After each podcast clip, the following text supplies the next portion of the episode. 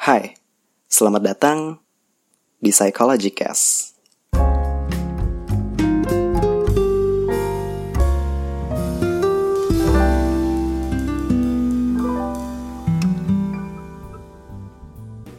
Sesuai judul di episode kali ini, aku sebenarnya sedikit tersentak gitu untuk ngebahas sesuatu mengenai hal-hal apa saja yang sebenarnya sering kita dengar di internet, tapi sebenarnya maknanya tuh salah atau definisinya nggak bener gitu.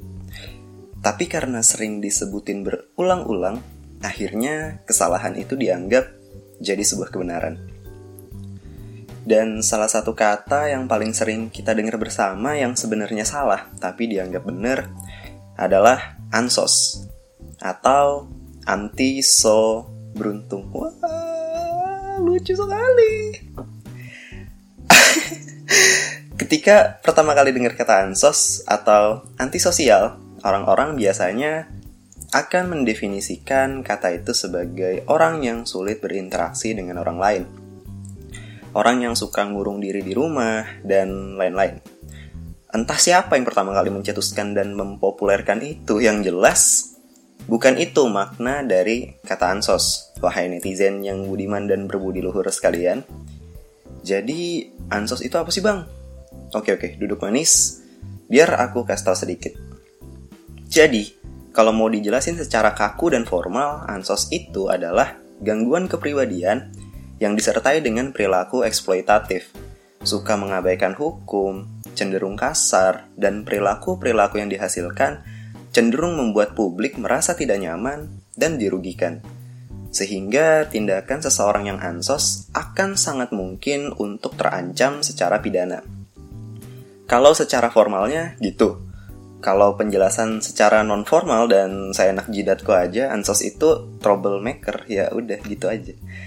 Contoh nih, contoh-contoh Joker di film Dark Knight. Ini buat kalian nih, fans-fans Marvel yang baru ngelirik DC Universe karena kecantol sama film Joker atau Wonder Woman, ya ketahuan kalian. Coba itu tonton juga trilogi Dark Knight dan Joker yang ada di sequel kedua adalah sosok nyata dari seorang antisosial yang sesungguhnya. Jadi maknanya itu sangat-sangat berlawanan gitu dari apa yang biasa kita denger di internet. Dan aku tuh sebenarnya agak bingung gitu sama fenomena istilah-istilah di Indonesia yang kadang suka kepelintir-pelintir gitu maknanya karena orang Indonesia kan emang suka gitu ya. Apa-apa tuh suka dipelintir gitu. Yang ada dihilang-hilangin yang gak ada diadadain.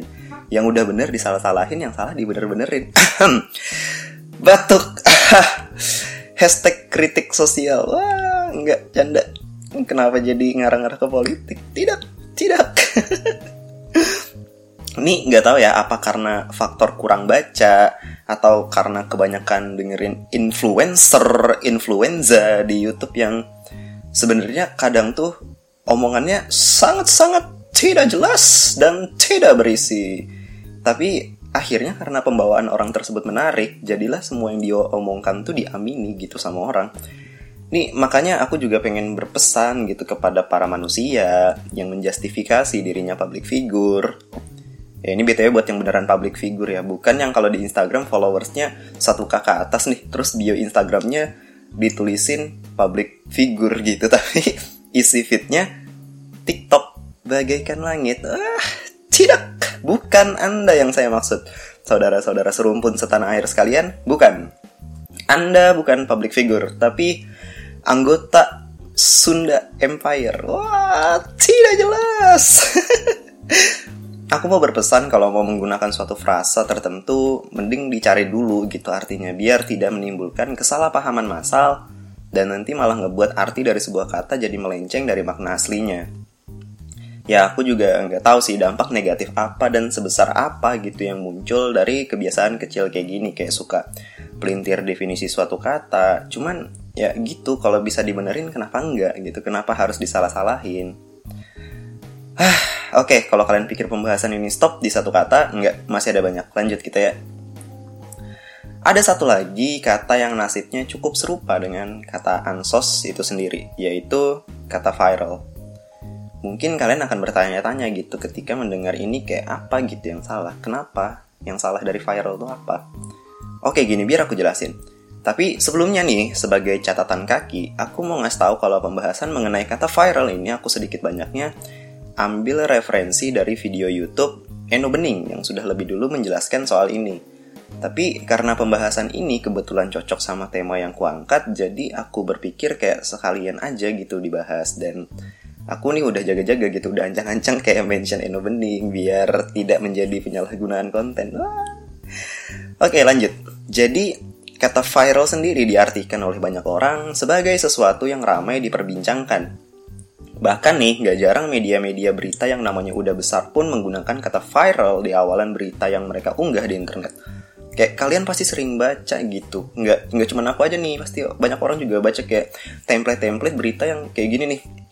Viral, Wanita ini makan sabun mandi sambil minum secangkir sunlight. Alasan nomor 5 bikin kalian horny. Wah, yang gitu-gitu. Apa-apa depannya pasti viral gitu ya. Semuanya aja udah viral mah. Hah. Ya sebenarnya ini sudah termasuk misuse gitu kalau kata Eno Bening. Jadi sebenarnya untuk kondisi yang seperti itu penggunaan katanya bukanlah viral, tapi trending.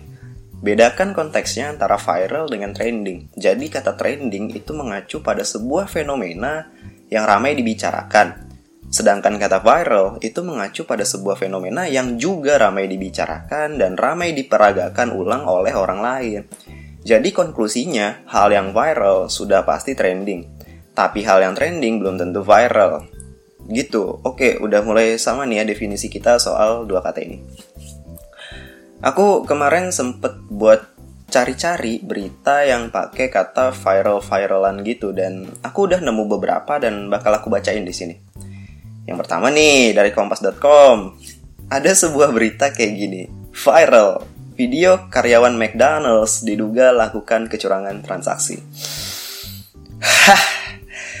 Oke, ini bisa kita bedah sama-sama. Ingat, konsep sebuah fenomena menjadi viral ada dua. Satu, dibicarakan banyak orang Kemudian kedua, ditirukan oleh orang lain. Ini capsule ya, ditirukan ulang. Dan apakah kecurangan yang dilakukan karyawan McD ini ditiru oleh orang lain? Tentu tidak. Dijadiin video TikTok sama orang lain? Tidak juga. Dibikin video joget-joget kepala gede-gedek dan dimasukkan ke Instagram story sama orang lain? Tidak juga. Jadi berita ini sudah pasti tidak viral, tapi trending. Nih, tolong gitu, tolong media-media ya Hah, pembendaharaan katanya itu diperbagus. Kalau masih nggak bisa tuh, coba les di Kumon. Wah, kenapa Kumon? Terus ini nih satu berita lagi dari Detik Finance. Beritanya kayak gini. Viral. Tugu di Tol Madiun disebut mirip Palu Arit. Wah, kenapa Palu Arit? Oke, ini agak sensitif ya, cuman ya udah lagi-lagi tuh nggak ada juga bagian dalam berita ini yang sebenarnya bikin berita ini viral kagak ada ini lagi-lagi sama aja konteksnya kayak berita pertama cuman trending tidak sampai tahap viral kalau kalian mau contoh sesuatu yang viral yang terjadi di zaman sekarang itu adalah lagu hmm, apa ya? Ah itu deh misalkan kayak culametan gitu. Culametan met met. Nah ya aku pertama kali lihat video itu tuh kayak gak bisa berhenti ketawa gitu. Itu anaknya ngocehnya cepet banget dah heran. Aku yakin Eminem sama Travis Scott juga kalau lihat tuh bocah culametan kayak langsung sungkem gitu kayak hai senpai hai. Lucu banget anjir Nah itu baru viral karena akhirnya banyak kreasi yang muncul dari sana. Ada yang sengaja sampai di remix, ada yang dijadiin lagu, ada yang dibuatin choreo dance dari lagu itu. Ya begitu tuh baru viral sama apalagi ya yang viral itu ya itu tuh video TikTok kodian yang banyak banget lagi ditiru orang. Bentar, yang mana ya? Aku lupa. Aduh, eh, intinya dia pakai lagu SpongeBob lah. Terus lagunya itu yang ini loh, yang tenet tenet tenet tenet tenet tenet tenet Iya kan? Terus uh, abis itu mereka joget-joget ngikutin nada sambil jalan gitu. Terus pas kameranya ganti gitu jadi sudut point of view ketiga yang ngekamerain juga ikut joget-joget. Nah gitu yang di mana nih pas video itu pertama kali muncul ke permukaan yang laki-laki semua itu menurutku video itu kayak lucu parah gitu. Tapi habis itu kan video itu jadi viral kan akhirnya banyak orang yang yang ngikutin. Tapi sekarang tuh jadi kagak lucu dah. Kayak konsepnya tuh ya eh lah gitu lagi gitu lagi cuy. Yang paling depan joget terus teman-temannya di belakang ninggalin gitu kayak ya elah gini lagi gini lagi. Ntar ekspresi teman yang di depan nih kayak sok-sok bingung gitu padahal udah scripted aja. Kayak kita ngelihatnya jadi kayak ah cringe cringe cringe gitu. Ini kenapa jadi bahas TikTok dah? Oke oke gitu cuy. Intinya soal viral dan trending tadi kesimpulannya dapat kan ya? Trending itu hal yang ramai dibicarain tapi tidak sampai ada di tahap ditirukan oleh orang lain Sedangkan viral adalah sesuatu yang sudah pasti ramai dibicarakan dan ditirukan ulang oleh orang lain. Oke, sip, mantap. Terus, um, apa lagi ya? Ah, ini deh soal introvert sama extrovert. Tapi tuh ini sebenarnya dibilang salah tuh enggak. Cuman tuh gini, gini, gini. Aku pengen nyamakan pemahaman sama definisi dulu soal introvert dan extrovert ini. Karena kadang-kadang tuh kayak ada suka kepelintir-pelintir sedikit gitu nih. Jadi gini nih dulu entah semester kapan tahu aku lupa. Aku pernah masuk ke kuliah umum gitu. Ada dosen psikologi entah datang dari mana. Dari kampus mana tuh aku nggak tahu. Yang jelas doi ngadain kuliah umum di kampusku. Dan kebetulan karena aku bosan dan pengangguran jadi aku datang tuh ke kuliah umum itu. Dan di situ dosennya sempat nyinggung-nyinggung soal introvert dan extrovert. Nah, di sini yang aku suka jadi beliau itu memberikan sebuah analogi sederhana tentang introvert dan extrovert ini sendiri cuy dan bakal aku sampaikan ulang juga di sini biar aku sama kalian yang denger ini jadi sama-sama belajar bareng gitu. Oke, lanjut. Jadi manusia itu diibaratkan sebuah ponsel yang mempunyai kapasitas tertentu dan suatu saat akan drop apabila dipakai terus-menerus tanpa sekalipun di-charge. Dan ketika manusia sudah berada di titik dia perlu untuk di-charge kembali energi kehidupan dan kondisi mentalnya, Chargeran inilah yang kemudian berperan sebagai sebuah opsi. Dan opsi ini dipecah ke dalam dua bagian, ada introvert, ada extrovert. Jadi manusia bisa dengan bebas untuk memilih mana pilihan yang sesuai dengan kondisi yang mereka inginkan dan mereka butuhkan. Ketika suatu individu merasa dirinya perlu untuk di recharge dengan cara-cara yang introvert, then go ahead. Pun untuk mereka yang merasa dirinya butuh untuk mencharge dirinya dengan cara-cara yang extrovert, ya monggo juga silahkan setiap manusia itu bebas gitu untuk memilih ingin mengembalikan kondisi mentalnya dengan cara yang mereka inginkan.